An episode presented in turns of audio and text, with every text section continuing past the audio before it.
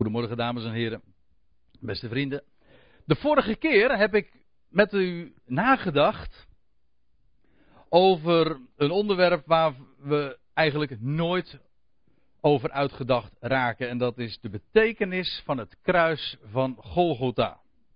En iedereen die het Nieuwe Testament kent en waarde hecht aan wat daar staat geschreven, die realiseert zich wel dat als we het over het kruis van Golgotha hebben, dat we het hebben over een van de meest fundamentele dingen die in de Bijbelse boodschap tot ons komen. Wat is er waardevoller dan dat kruis van Golgotha? En de vraag toen was: heeft God zich verzond? En het antwoord was nee. God heeft zich niet verzond. God is namelijk nooit een vijand geweest. En wat ik heb duidelijk willen maken is dat God niet zich verzond heeft, maar dat hij de wereld met zich verzond. Enfin, we hebben daar toen een aantal redenen voor aangegeven om die vraag, namelijk heeft God zich verzond, te beantwoorden. En een van die antwoorden was dat de prijs die de Heer Jezus Christus betaald heeft, een losprijs was en geen schuldbetaling. Nou was er naderhand nogal wat, kwamen nogal wat vragen op mij af, dat dat niet helemaal duidelijk uit de verf is gekomen. Hoe zit dat nou? Dat verschil tussen schuldbetaling en losprijs. Het was een van de aspecten die aan de orde kwam. En ik heb het betrekkelijk kort en bondig naar voren gebracht. Maar het kwartje, om eventjes in de beeldspraak te blijven, is niet helemaal gevallen. Bij iedereen in ieder geval. En het leek mij de moeite waard om daar vanmorgen nog eens wat dieper op in te gaan. En dat geeft mij dan bovendien de gelegenheid om het onderwerp ook sowieso wat meer uit te stallen en in zijn glorie te laten zien. Nou, laat ik om te beginnen eens het verschil duidelijk maken wat schuldbetaling enerzijds is en anderzijds wat een losprijs is. Voorbeeld 1. Wat is schuldbetaling? Nou, we houden het eventjes heel simpel. Deze mevrouw kent u niet, maar ik wel. Dit is namelijk tante Anna. Tante Anna is een hele aardige vrouw, alleen ze heeft een probleem waar wel meer mensen mee kampen en dat is, ze komt geld tekort. Ze komt zelfs heel veel geld tekort, ze komt namelijk 1000 euro tekort. Nou heeft tante Anna een groot geluk en dat is dat zij een rijke buurvrouw heeft. Els heet ze. En wat doet Els? Goed als is, ze leent aan tante Anna, die niet haar tante is, maar de buurvrouw dus, ze leent haar duizend euro. Nou, tante Anna blij, ze is helemaal uit de brand natuurlijk. Maar, het probleem is, Anna kan het geld niet terugbetalen. Want dat is vaak het geval met mensen die schulden hebben.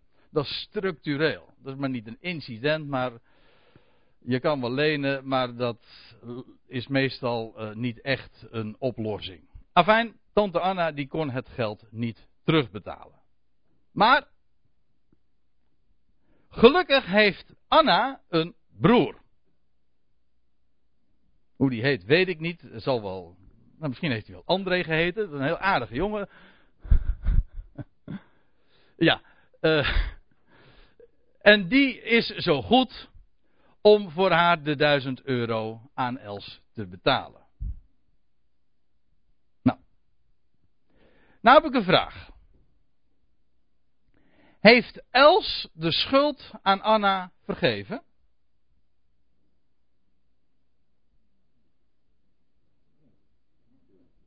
Nee. Uh, is, of anders gevraagd, is aan Anna de schuld kwijtgescholden? Nee, er is, is helemaal niets vergeven, er is ook niks kwijtgescholden. Het antwoord is, nee, de schuld is niet vergeven. De schuld is gewoon betaald. Weliswaar niet door haarzelf, maar door een ander. De schuld is betaald. Niet vergeven. Dat is een voorbeeld van schuldbetaling. Simpel, duidelijk, iedereen pakt dit. Goed. Nou, de vraag, wat is een losprijs? Daar heb ik ook een voorbeeld van. En een jongen die heet Aaron. En Aaron is een slaaf en hij is gekocht door een meneer Hartvocht. Waarom die zo heette, weet ik niet, maar hij deed zijn naam wel eer aan. Want Aaron wordt door Hartvocht, door meneer Hartvocht, heel erg kwalijk behandeld, afgebeuld, slecht behandeld, oftewel heel hardvochtig bejegend. Nou woonde daar in de omgeving van Aaron en meneer Hartvocht een meneer Wilhelmus. En dat was een hele aardige man en die ziet dat en die krijgt meelij met Aaron. Hij kan dat niet aanzien. En wat doet, wat doet meneer Wilhelmus? Is een vermogende meneer, dat kunt u wel zien. En die betaalt 1000 euro losgeld aan Hartvocht. Meneer Hartvocht die wilde 1000 euro hebben, wilde die Aaron vrijlaten. Dus wat doet meneer Wilhelmus? Die betaalt 1000 euro aan meneer Hartvocht. En daarmee is dus het losgeld betaald. Aaron is vrijgekocht. Oftewel, Aaron is vrij. Kijk, dat zijn twee verschillende vormen van betaling. In beide gevallen wordt er een prijs neergeteld, een prijs betaald. Maar in het ene geval is er sprake van een schuld die betaald wordt. In het andere geval wordt er iemand vrijgekocht of een losprijs betaald. Nou, wat is nou de moraal van deze twee voorbeelden? Wanneer we het Nieuwe Testament kennen, dan weten we allemaal, de Heer Jezus Christus, die betaalde op Golgotha een prijs. Op vele plaatsen in het Nieuwe Testament vind je dat. We gaan daar straks ook een heel aantal noemen. Lang niet allemaal, maar een aantal wil ik daarvan noemen. Maar de vraag is, wat voor prijs betaalde hij? Of nog anders gevraagd, of nog anders gesteld, aan wie betaalde hij nou de prijs? Dat Christus Jezus de prijs betaalde op Golgotha, oké, dat is duidelijk. Maar aan wie betaalde hij die prijs? Of eventueel aan wat betaalde hij die prijs? De vraag is: moest Jezus Christus aan God een schuld betalen? Of moest hij aan de gevangenhouder, degene die gevangen houdt, een losprijs betalen? En ik kan u al verklappen, en ik heb het de vorige keer ook duidelijk uh, gemaakt. Of in ieder geval heb ik de statement al gemaakt. En ik heb het enigszins uh, toegelicht, maar onvoldoende. Dus doen we dat vandaag wat uitgebreider. De Bijbel zegt nergens dat de Heer Jezus Christus een schuld betaalde op Golgotha. Of dat hij aan God de prijs betaalde. Waar de Bijbel over spreekt, is dat de Heer Jezus Christus op Golgotha de losprijs betaalde. En dat is een groot verschil. Hij betaalde niet een prijs aan God, niet een schuld moest betaald worden. God hoefde niet betaald te worden. God hoeft niet de rekening vereffend te zien. Hij vergeeft domweg. Net als wat, dat had Els ook kunnen doen in dat eerste voorbeeld. Els had dat geld geleend, die wil dat geld gewoon weer terugzien. Maar Els had ook kunnen zeggen van ik vergeef het je, uh, buurvrouw, ik heb getocht zat, ik, je hoeft het helemaal niet te betalen. Dan had ze het vergeven, had ze het kwijtgescholden. Wel, dat is precies wat de Bijbel leert. Dat God de, de, de, de schuld niet toerekent. Dat hij de, de krenkingen, de overtredingen niet betaalt ze, niet toerekent. Nee, hij vergeeft ze. Maar als hij ze vergeeft, dan hoeven ze dus niet betaald te worden. Want het is of het een of het ander. Of de schuld wordt betaald, maar dan hoeft ze niet vergeven te worden. Of ze wordt vergeven, maar dan hoeft ze ook niet betaald te worden. Zwart-wit. Waar de Bijbel altijd over spreekt, is dat de Heer Jezus Christus de losprijs betaald heeft. De vraag is, hoezo losprijs? En aan wie betaalde hij dan die prijs? Waar waren we gevangen van? Nou, ik laat een, vanmorgen een aantal schriftplaatsen zien waar deze waarheid naar voren komt. En dat is op heel wat meer plaatsen dan je op het eerste gezicht zou denken. Alleen dat is soms door de vertalingen niet helemaal goed uit de verf gekomen. En daarom wil ik dat eh, voor het voetlicht krijgen en ook laten zien dat er in de schrift wel degelijk ook in dat geval sprake is van een, een prijsbetaling en van vrijkoping. Hebreeën 2. Het kan zijn dat ik daar de vorige keer ook al even op gewezen heb, maar dan doe ik dat nu opnieuw. En het is goed om daarmee te beginnen. In Hebreeën 2, daar staat in vers 4, daar nu de mensenkinderen aan bloed en vlees deel hebben, heeft ook hij, de Messias, op gelijke wijze daaraan deel gekregen. Het, punt is wat hier gezegd wordt in deze zin: de mensen zijn allemaal vlees en bloed. En de Messias heeft op een, dezelfde wijze aan dat vlees en bloed, op bloed en vlees, deel gekregen. En dan staat erbij waarom dat zo is. Opdat hij door zijn dood heen hem die de macht van de dood had. Als u een MBG-vertaling hebt, dan moet u een woordje doorkrassen. Nou, u moet niks, maar dan zou ik een woord doorkrassen, want daar staat hem die de macht over de dood had, de duivel zou onttronen. Nou, dat over kunt u echt wel doorkrassen, want de duivel heeft helemaal niet de macht over de dood. Hij heeft de dood, de macht van de dood. De Statenvertaling heeft het correct.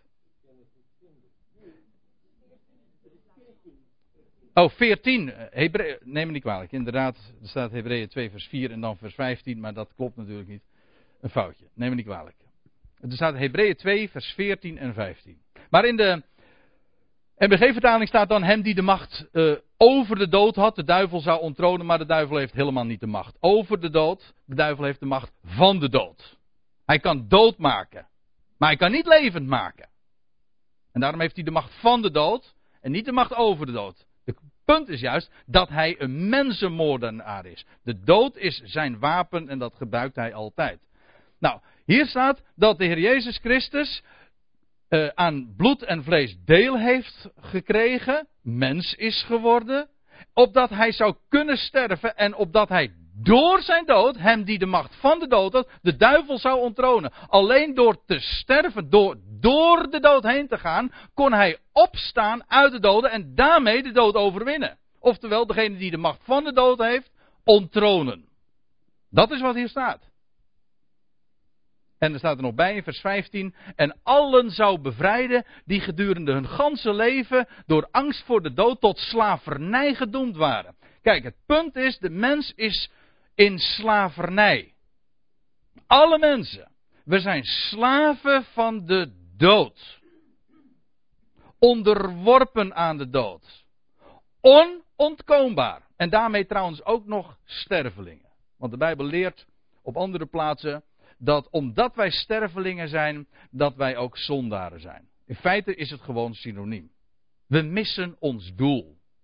En het doel is dat we zouden leven. Wel, wij leven niet. Wij zijn onderworpen vanaf het moment dat we ter wereld komen, zijn we onderworpen aan de dood. We zijn bezig dood te gaan. We zijn stervelingen, stervende, zegt de Bijbel. Wel, dat is de slavernij waar de mens in is. In slavernij voor, van, van de dood. Wel, dat is het eerste antwoord trouwens ook op de vraag van wie wij slaven zijn. Waar wij gevangen van zijn.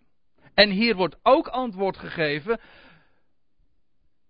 op de vraag waarom de Heer Jezus stierf. Wel, hij stierf opdat hij de dood zou, of de macht van de dood zou onttronen. Alleen door te sterven kon hij opstaan en daarmee de dood overwinnen. Zijn sterven was de prijs die hij moest betalen aan de dood. Want die hield ons gevangen. Of eventueel hem die de macht van de dood heeft, de duivel. Die hield ons gevangen. En aan hem moest de prijs betaald worden. Of aan de dood moest de prijs betaald worden. Hij moest sterven. Dat was de prijs die hij betaalde. Opdat hij, wanneer hij die prijs zou betalen, werkelijk ons zou vrijkopen en door zijn dood, dat wil zeggen door te sterven en op te staan, ons vrij te maken van de dood, zodat de dood nu werkelijk achter ons ligt en leven voor ons. Zie je? Meteen bij de eerste schriftplaatsen hebben we eigenlijk al de clue te pakken. Maar ik zal er nog een heel aantal meer noemen. Romeinen 8. Daar staat in vers 20. Want de schepping is aan de ijdelheid onderworpen. In de, in de MBG-vertaling staat aan de vruchteloosheid, maar dat is eigenlijk hetzelfde. De dingen leiden tot niets. Ook in wezen weer punt dat de hele schepping vergankelijk is. Trouwens, dat staat ook een vers later. De hele schepping is aan de ijdelheid onderworpen en er is een heel Bijbelboek dat daarover gaat. Dat alles ijdelheid is. En er was een hele wijze man, de meest wijze man die ooit geleefd heeft. Salomo, die dat doorvorst heeft en dat doorzien heeft en beschreven heeft. Dat alles ijdelheid is. En najagen van wind. Goed.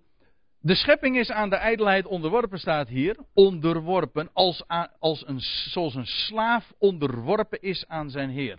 En er staat erbij niet vrijwillig, maar om hem, hoofdletter, die haar daaraan onderworpen heeft. De hele wereld, de hele schepping is aan de ijdelheid onderworpen en daar heeft ze niet zelf voor gekozen. Dat is om hem, God, die de schepping aan de ijdelheid heeft onderworpen. En ik ben erg blij toch dat God dat gedaan heeft. Want als God iets doet, ook al lijkt dit zo negatief, dat is ook negatief hoor. Maar als God iets negatiefs doet, dan heeft dat altijd een positief doel. Hij maakt een min alleen maar om er een plus van te maken. En daarom zeg ik graag, er bestaan helemaal geen minnetjes. Er bestaan alleen maar plusjes die nog niet af zijn. Als ik u nou een goede raad mag geven, uh, als in het algemeen in het leven, broer Dirk had het er zojuist ook al even over, dat in deze wereld zie je dat. Hè? De wereld is aan de problematiek onderworpen. Al, allemaal. Op de een of andere manier, in, in hevige mate of in minder hevige mate. Maar de wereld is aan de ijdelheid onderworpen. En zoveel negatieve dingen. Maar de Bijbel leert dat hoe negatief het ook is, in wezen is het allemaal met hoop. Want die minnetjes, die gaat God tot plussen maken. Allemaal. En sterker nog, een plus zou er niet zijn als er ook niet een min zou wezen. Die min is de noodzakelijke achtergrond voor, of de noodzakelijke voorwaarde voor het vormen van een plus. Goed, ik lees nog even verder. De schepping is aan de ijdelheid onderworpen, niet vrijwillig, maar om hem die haar daaraan onderworpen heeft. En daar staat er ook bij. In hopen echter. Want God doet dat niet zomaar. Nee, het is met verwachting. Want de schepping is in verwachting. Het is een zwangere schepping. Om, in hopen echter, omdat ook de schepping zelf van de slavernij van de vergankelijkheid. De slavernij van de vergankelijkheid. Daaraan zijn wij onderworpen. Daarin zijn wij gevangen ja, gevangen in de ijdelheid en daarmee dus gevangen in de vergankelijkheid. We zijn stervelingen, gevangen van de dood en daarmee van de zonde. Maar, staat hierbij, in verwachting echter, omdat ook de schepping zelf van de slavernij van de vergankelijkheid zal bevrijd worden. Tot de vrijheid van de heerlijkheid van de kinderen Gods. En dan staat er later in vers 23, en niet alleen zij, dat wil zeggen niet alleen de schepping, maar ook wij zelf. Wij die de geest als eerste gave ontvangen hebben. Dat wil zeggen, ik zal dat straks ook nog laten zien. De geest is ons als onderpand gegeven. En als een eerste aanbetaling. Wij die de geest als eerste gave ontvangen hebben, zuchten nu nog steeds bij onszelf in de verwachting van het zoonschap. De verlossing van ons lichaam. En dan moet ik er even iets bij aantekenen. Want dit heeft namelijk alles te maken met het onderwerp van vandaag. Als er staat in het Nieuwe Testament verlossing, dan staat er eigenlijk een woord dat betekent vrijkoping. Dat betekent het. U kunt het in alle woordenboeken en lexicons en, en concordanties gewoon nalezen. Dat woord verlossing, het komt niet echt uit de verf bij dat woordje verlossing. Ja, wel van dat iets los uh, gemaakt wordt. Maar het gaat er het gaat erom, het wordt niet zomaar losgemaakt, maar het wordt losgemaakt juist door een prijs die betaald is. Dus vandaar vrijkoping. En, daar ook, en daarom zit daar de gedachte van losgeld ook in. Vrijkoping. Verlossing is, heeft dus alles te maken met een losprijs. Wel, hier staat dat die verlossing, die vrijkoping van ons lichaam nog wacht. Weliswaar de prijs is betaald, maar de uiteindelijke resultaat, of zoals dat eerder vanmorgen gezegd is, er is gesproken over die day. Dat was de dag dat de prijs betaald werd. Maar dat het V-Day, daar kan nog een hele tijd tussen zitten. Tussen die day en V-Day. Dat, de, dat die bevrijding daadwerkelijk ook openbaar zal worden. Wel nu, in ons lichaam zuchten we nog steeds. Wij hebben nog steeds hetzelfde lichaam als, als wie dan ook. De hele schepping. Uh, met de hele schepping zijn wij aan de verijdelheid onderworpen naar het lichaam. Vergankelijk. Wij zuchten, staat hier bij onszelf, in de verwachting van het zoonschap de verlossing van ons lichaam. Dat zoonschap heeft te maken met het feit dat we straks erfgenamen, nee we zijn nu al erfgenamen, maar dat we straks een erfenis in ontvangst zullen nemen en krijgen. En wij zijn de erfgenamen. Want dat is wat zijn zoon betekent. We zijn erfgenamen. Wel, als wij eenmaal een nieuw, een vernieuwd lichaam zullen hebben, in onvergankelijkheid en in heerlijkheid, wel dan is ons lichaam verlost. Als hier gesproken wordt over de verlossing van ons lichaam, betekent niet dat we dan van ons lichaam af zullen zijn. Zoals sommigen dat hebben geconcludeerd. Het is niet de verlossing van ons lichaam zodat we dan geen lichaam meer hebben. Nee, ons lichaam zelf wordt verlost. Dat lichaam wordt verlost zodat we een nieuw lichaam zullen hebben. Dat zal bruisen van, van leven, dat echt de dood achter zich heeft. Onvergankelijk, heerlijk. En wel nu, de eerste gave, de aanbetaling ervan hebben we al. Maar wat, de, eh, wat het lichaam betreft, delen wij ons lot met de hele schepping, namelijk we zijn gevangen in de vergankelijkheid. En dat heeft God heel bewust zo gedaan. Niet vrijwillig, lazen we, maar om hem die haar daaraan onderworpen heeft. Nog een andere schriftplaats. Colossense 1.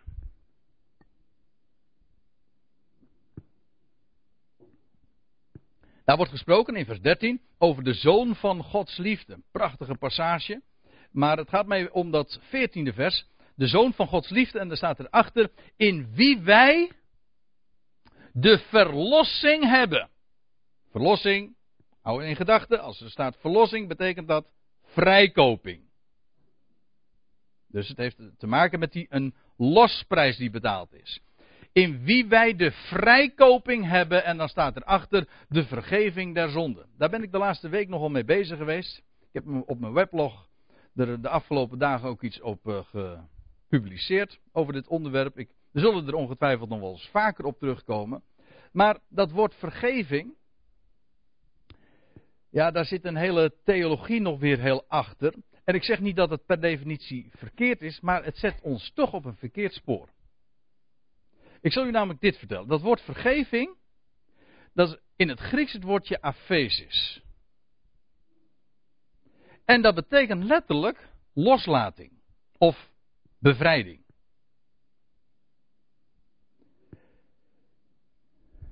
Een van de eerste keren dat het voorkomt, dat woord dat is in Lucas 4 in het Nieuwe Testament. En dan, wordt er, dan staat er in vers 19, om aan gevangenen loslating te verkondigen. Daar wordt het woordje Efezes niet met vergeving uh, vertaald, maar met loslating. Elders nog met bevrijding. En in, maar in Colossense 1 hebben ze het vertaald met vergeving. Dat is eigenaardig. Klopt dat wel? En dan te bedenken dat er juist in Colossense 1 gesproken was over in hem hebben wij de vrijkoping. Nou, wat is dat? Ja, dan staat er de, de vergeving van de zonde. Nee, nee mensen. Het is in hem hebben wij de vrijkoping. Er is een prijs betaald opdat we vrij zouden worden. Wat is dat wel? De vergeving? Nee, de bevrijding van de zonde. Dat is een groot verschil. Ik ontken geen vergeving. Ik heb zojuist uh, juist naar voren gebracht. God vergeeft. Hij eist geen betaling. Hij vergeeft. Hij rekent niet toe. Maar hier gaat het niet over vergeving. Het gaat hier over bevrijding van zonde. Weet u wat vergeving van zonde is? Dat is dat er bij God iets gebeurt en dat hij zegt, ik reken het niet toe. Bevrijding van zonde, dan gebeurt er niet iets bij God, maar dan gebeurt er iets met ons. Dat wij vrij worden van zonde. We waren, zoals dat Paulus dat schrijft in, in Romeinen 5, Romeinen 6. We waren slaven van de zonde, maar we zijn in aanraking gekomen met de blijde boodschap. En nu kennen we hem en nu heeft ons leven zin en inhoud gekregen. Het doel gekregen. En nu zijn we geen slaven meer van de zonde. We waren slaven van de zonde. Oftewel, we zijn bevrijd van de zonde. En dat is waar het hier over gaat. En ik durf te zeggen, maar daar gaan we het nog eens een keer een andere keer over hebben. Dat als in het Nieuwe Testament het woordje Afesis voorkomt, het betekent altijd bevrijding. En ik zal u vertellen, ik kan nu alvast zeggen, dat is een enorme eye-opener. Ik, ik, noem maar één schriftgedeelte. Hebreeën 9. Zonder bloedstorting geschiet er geen vergeving. Staat ook het woordje Afesis. Zonder bloedstorting geschiet er geen bevrijding. Dat heeft consequenties. Ik beloof u, daar komen we ongetwijfeld nog op terug. Het gaat er nu eventjes om. In hem hebben wij de vrijkoping. Dat wil zeggen, er is een prijs betaald opdat we bevrijd zouden worden van. Nou, dat staat hierbij. Van de zonde. De bevrijding van de zonde. Oké. Okay. Matthäus 20. Daar spreekt de Heer Jezus zelf en dan zegt hij in vers 28, gelijk de zoon des mensen, de zoon van Adam is het eigenlijk, de erfgenaam van Adam, want dat is wat die term echt betekent. De zoon des mensen is een beetje een niet-zeggende term geworden. Wat betekent dat, zoon des mensen? Nee, het komt uit het Hebreeuws, en u vindt dat bijvoorbeeld ook in, in Hebreeën, of in Psalm 8, dan wordt er gesproken over de Ben Adam, de erfgenaam van Adam. Dat wat Adam onder zijn voeten gesteld kreeg, wel dat erft de laatste Adam, de tweede mens. Hier, de Ben-Adam. De zoon van Adam, die is gekomen om, niet om zich te laten dienen, zegt hij, maar om te dienen en zijn leven, letterlijk zijn ziel, oftewel zijn bloed ook, te geven als een losprijs voor velen. Nou is dit een schriftplaats, moet ik erbij zeggen, die nog wel eens een keertje genoemd wordt. In, de oppositie tegenover, in oppositie tegenover de, de boodschap die we uitdragen, namelijk dat de losprijs betaald is voor allen. En dan zeggen ze nee, niet voor allen, dat zeg jij wel, maar er staat in, in Matthäus 20 dat de losprijs betaald is voor velen. En dat is een heel groot verschil. Daar heb ik twee antwoorden op. In de eerste plaats, dat de losprijs voor allen betaald is, staat zwart op wit. Ik zal het straks nog laten zien. Het tweede antwoord is, velen is geen tegenstelling van allen.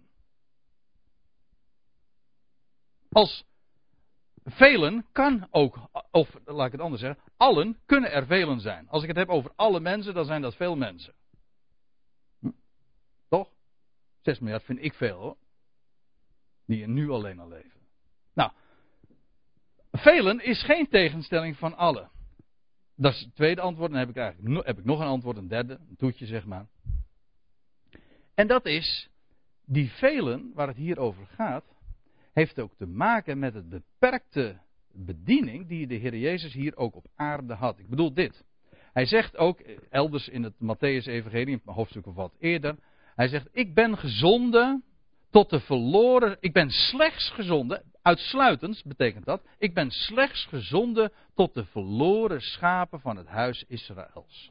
De Heer Jezus had niet een bediening hier op aarde voor alle volkeren, nee, voor Israël. En, hij, en met dat oog op die bediening zegt hij ook: ik zal, ik zal mijn leven geven. Ik als erfgenaam van Adam, ik zal mijn leven geven tot een losprijs. Mijn, mijn ziel. Ik zal mijn ziel geven tot een losprijs voor velen. Dat wil zeggen voor dat volk van Israël. Weet u nog dat wij een heel aantal eh, maanden geleden, een maand of vijf, zes geleden misschien, gesproken hebben over Hebreeën, of Hosea 3. Over die geschiedenis dat Hosea, en ik heb toen ook laten zien dat de naam Hosea exact hetzelfde betekent als de naam Yeshua, Jezus. Dat Hosea een vrouw moest kopen, weet u wel, die die prostituee. En dan lees je in Hosea 3, ik roep het nog even in uw herinnering. En dan staat er in vers 1: De Heere zeide tot mij, tot Hosea dus, Yeshua. De Heere is redder, betekent die naam. Ga wederheen, bemin een vrouw die overspelig is. En dan staat erbij, gelijk de Heere de Israëlieten bemint, die zich tot andere goden wenden. En dan staat erbij, toen kocht ik haar.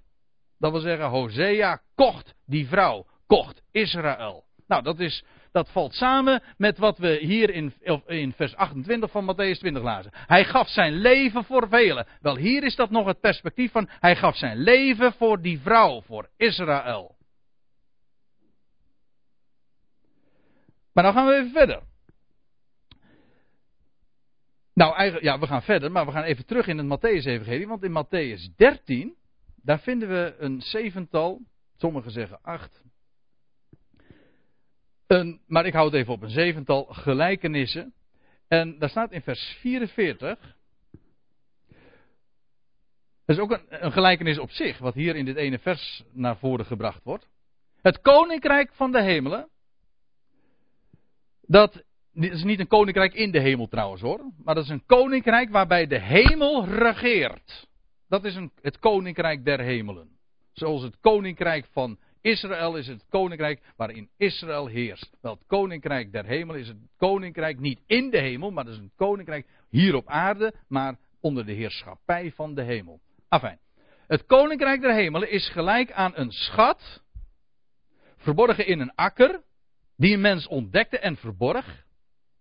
En, zijn en in zijn blijdschap erover gaat hij heen, verkoopt al wat hij heeft en hij koopt die akker. Hier reeds in het Matthäus-evangelie staat, wordt er gesproken over een veel wijzer perspectief dat later in het Nieuwe Testament door de apostel Paulus zo uitdrukkelijk naar voren gebracht wordt. Hier wordt het nog op een verborgen manier gezegd, maar er wordt nog bijgezegd trouwens, wat die akker is. Dat was in een paar versen daarvoor, wat, was dat heel uitdrukkelijk al gezegd. De akker is de wereld. En dat vind ik hier zo mooi, hè. Die mens, dat is gewoon, dat is niemand anders dan die zoon des mensen. Die zijn leven heeft gegeven tot een losprijs. Wel, hij geeft zijn leven tot een losprijs. Hij heeft alles wat hij had, hij heeft het verkocht. En hij kocht niet die schat. Ja, wacht even. Hij kocht wel die schat, dat is waar. Maar hij kocht niet alleen die schat, hij kocht die hele akker. En dan staat erbij, de akker is de wereld. De prijs die hij betaalde was zo universeel geldend. Die prijs die was zo groot, dat was all inclusive. Alles kocht hij. Niet alleen die schat, maar heel die akker. Heel de wereld heeft hij gekocht.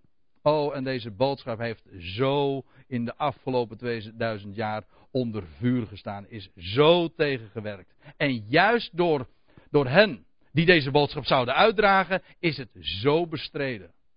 Namelijk dat die prijs is betaald voor allen en dat de hele wereld gekocht is. En daarmee dus ook zijn eigendom, want het is rechtsmatig, komt het hem, hem toe en niemand anders. En in wezen, men zegt wel eens een keertje van ja, als hij de als, als je gelooft dat hij de redder is van alle mensen, maar waarom moest Christus dan sterven? Dat is de grootste onzin die je ongeveer zo kan uitkramen. Want het punt is nu juist, hij betaalde zo'n grote prijs dat hij allen redt. Als hij niet zo'n grote prijs had betaald, dan had hij niet allen gered. Maar omdat hij die prijs betaalde, heeft, hij, is hij dus een redder van het al. Goed. Ik kan dat ook nog wat uh, duidelijker laten zien in 1 Timotheus 2. Want we hadden het al eerder even over, die, die uitspraak van een losprijs voor velen. En dan zeggen ze, zie je wel, dat is een losprijs voor velen, niet voor allen. Maar daarmee spreekt men zichzelf en vooral de schrift tegen.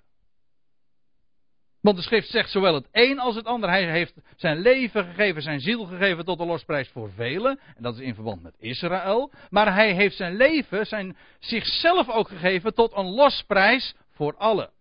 Let op wat Paulus zegt in 1 Timotheus 2. In een paar zinnen geeft hij daarmee zijn missie weer. Hij zegt in vers 5: Er is één God. Er is ook één middelaar van God en mensen. Want dat is wat een middelaar is. Iemand die tussen de een en de ander in staat. Er is één God, is één middelaar van God en mensen. de mens Christus Jezus, die zich gegeven heeft tot een losprijs voor allen. Inderdaad, dat zijn er velen, maar het is allen. En allen betekent niemand uitgesloten. En daarvan wordt getuigd de juiste tijd. En ik ben daartoe, zegt Paulus, als een verkondiger en een apostel gesteld. Paulus was degene die een heraut was van die boodschap dat er één God is.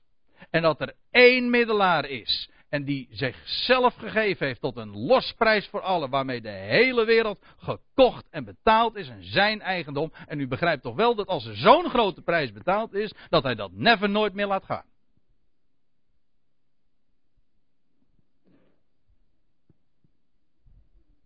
Die zich gegeven heeft tot een losprijs voor allen let ook hier weer op. We zien dat nu iedere keer. Hè? Ik heb u nu allemaal schriftplaatsen laten zien. Waar gesproken wordt over vrijkoping, over een losprijs. Maar nooit met de gedachte dat er een prijs is betaald aan God. Alsof God iets eiste. Alsof God zei van eerst moet er een rekening vereffend worden. Ik, ik, ik heb nog wat te goed. Nee, God. Dat wat wij schuldig waren, heeft God niet toegerekend. En wat hij doet, hij betaalt zelf de prijs. Niet die prijs wordt aan God betaald, God betaalt zelf door zijn zoon, door zijn zoon te geven, de prijs. En hij koopt ons vrij van degene en van datgene wat ons gevangen houdt van de macht van de dood en de zonde. En hij betaalde de prijs voor de, aan de macht van de dood door te sterven. En om zo inderdaad ons vrij te maken. Ziet u hoe logisch die gedachte is van vrijkoping? Het gaat mij er al niet alleen maar om dat ik u kan laten zien dat het waar is wat ik zeg. Dat ik u zeg maar de bonnetjes overgeef. Dat u zegt ja, inderdaad, klopt. Maar dat u ook begrijpt waarom het zo is. Waarom hij zijn leven gaf tot een losprijs. Daar zit trouwens nog een, iets, iets fantastisch achter. En dat is dat we ja, hij gaf zijn, zichzelf tot een losprijs, opdat wij verlost zouden zijn. Bevrijd zouden worden van de dood. Dat begrijpt u. Dat is logisch. Maar weet u wat ik nou misschien nog wel het allermooiste vind? En dan haak ik eigenlijk meteen ook weer in op wat er eerder in deze, deze morgen is gezegd. En dat is dat alles liefde is. Want als het nou waar is dat hij zichzelf gegeven heeft tot een losprijs voor allen dan betekent dat dus dat wij zo kostbaar zijn in zijn ogen. Wij hadden, God houdt van ons. God heeft zijn liefde bewezen. We hebben dat de vorige keer ook gezien toen, ik dat, uh, toen we Romeinen 5 lazen. Waar staat van dat God echter bewijst zijn liefde dat Jezus Christus voor, zijn, voor ons stierf toen wij nog goddelozen, toen wij nog zondaren waren. God bewijst zijn liefde. Maar hoe kun je liefde bewijzen? Hoe kan je nou bewijzen dat. Hoe kan ik aan een ander bewijzen dat die ander voor mij kostbaar is? Dat kan maar één manier. En dat is als daar een hoge prijs voor betaald moet worden.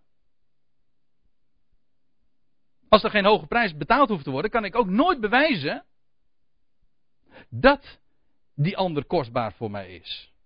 Dat die ander kostbaar voor mij is, dat kan ik alleen maar bewijzen als er een hoge prijs, en dat bedoel ik uiteraard niet alleen maar financieel, meestal niet, maar dat er een hoge prijs betaald moet worden.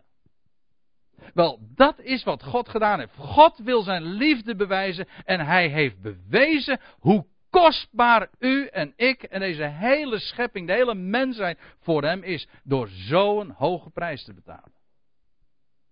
Als je nou wil weten hoe kostbaar je bent, je staat voor de spiegel en denk je van nou, jongens, hè, dat is niet zoveel zoeps vandaag. Of, er zijn zoveel mensen die daaraan lijden, die een, een, een, een gering eh, gevoel van eigenwaarde hebben of die uh, een minderwaardigheidscomplex hebben en dan naar de psychiater toe moeten gaan. Maar ik moet u zeggen, er is geen boodschap die zo enorm uh, diep indringt en die zo duidelijk een mens het besef geeft, niet door trucjes, niet door positief denken, maar gewoon het, het besef geeft hoe kostbaar je bent door te kijken naar het kruis van Golgotha. En dan uh, je te realiseren, zo waardevol ben ik voor God.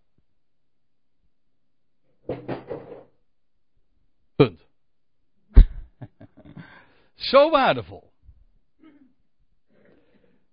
Ik wil nog een schriftplaats eh, noemen. 1 Petrus 1.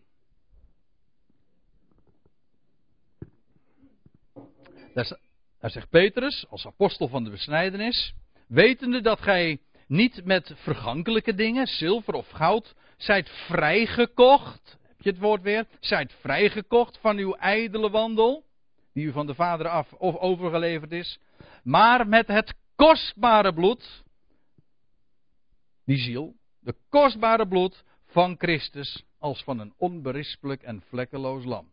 Christus stierf niet alleen maar. Kijk, hij moest sterven om te kunnen opstaan. Maar hij stierf niet alleen maar.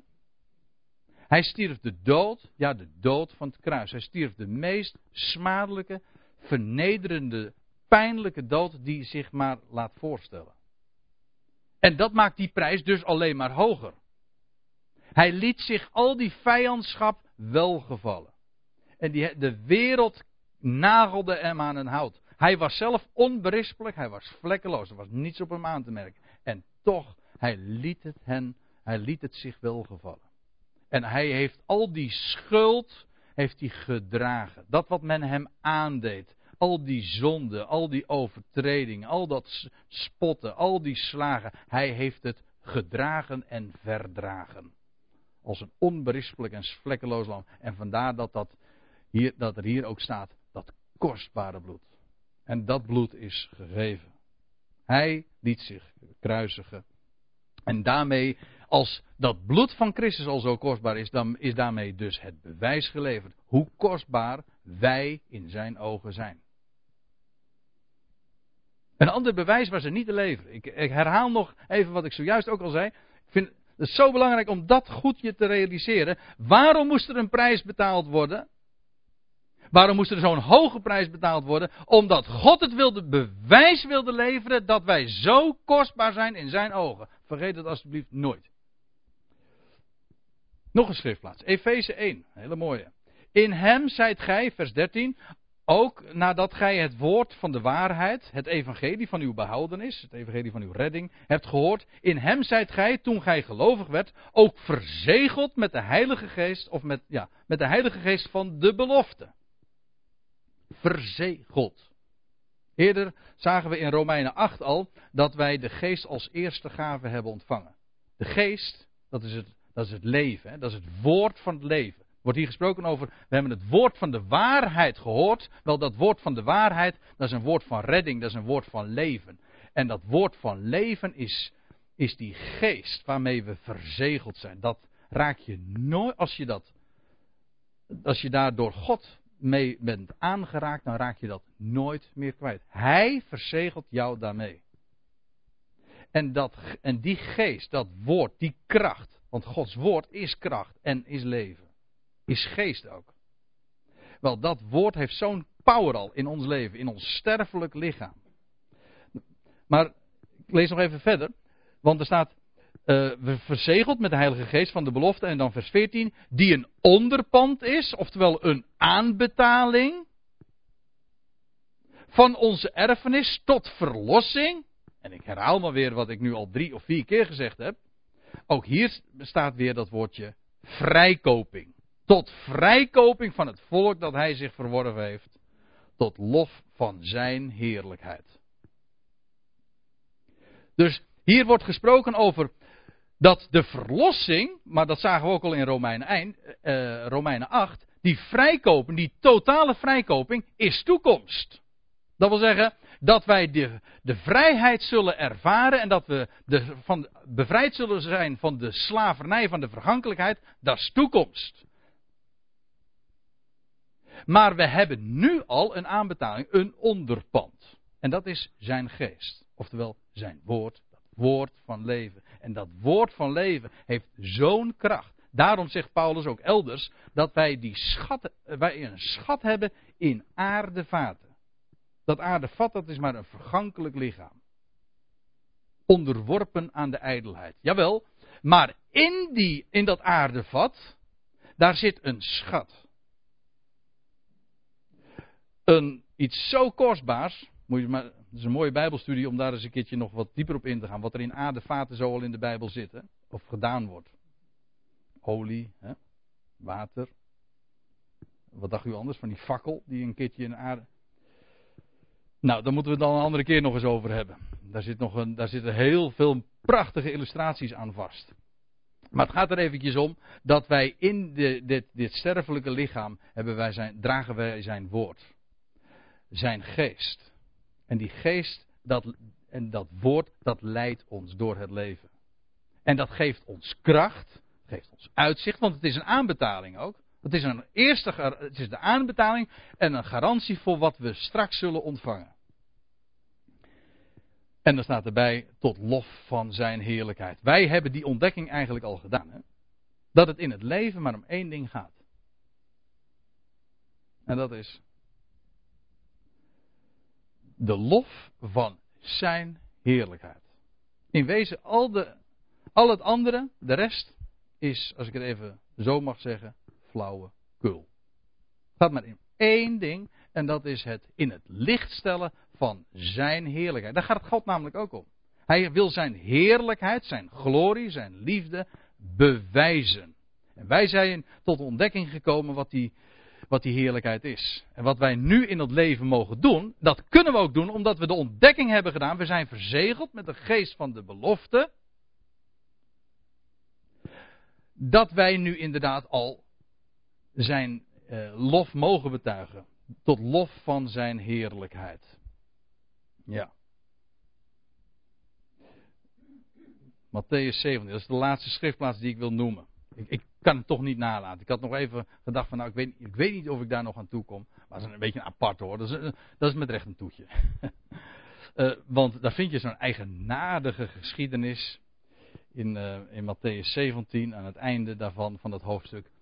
En dan lees je dat, dat Petrus tegen Petrus gezegd wordt, ga naar de zee. Ik, wijs niet eens op de achtergronden. Ik, ik, wil u alleen maar eventjes attenderen op, op het gegeven. Dat hij naar de zee moest gaan. Werp een vishaak uit. Nou, Petrus was bekend met het hele, de praktijk van vissen. Maar hij eh, gooide natuurlijk nooit een haak uit. Hij gooide, hij zijn netten uit. Dan heb, heb je wat meer namelijk. Hè?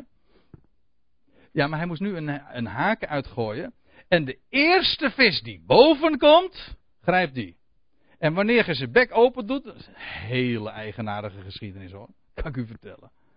En wanneer hij zijn bek open doet, dan zult gij een zilverstuk, een prijs, uh, vinden. Neem dat, geef het, geef het hun voor mij en voor u. Welke prijs hier aan de orde is, dat doet nu even niet de zaken. Andere aspecten laat ik allemaal even liggen. Maar weet u wat ik nou zo mooi vind? De eerste, de beste vis die boven komt, die draagt de prijs. Die betaalt de prijs. En waar denk ik dan aan? Waar denkt u dan aan? Bij de eerste, de beste die boven water komt. Dat is een beeld van opstanding hoor. De eerste die uit het water getrokken wordt. Er is iemand in de Bijbel die zo heet. Uit het water getrokken.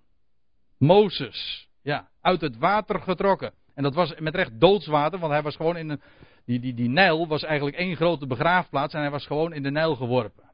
Maar hij ontkwam aan de dood. Hij werd uit het water getrokken. Dat wil zeggen, hij ontkwam aan de dood. Hij kwam met recht boven water. Maar weet u wat ik nou zo mooi vind? De eerste die boven water komt, dat is degene die de prijs betaalt. Die heeft dat zilverstuk bij zich.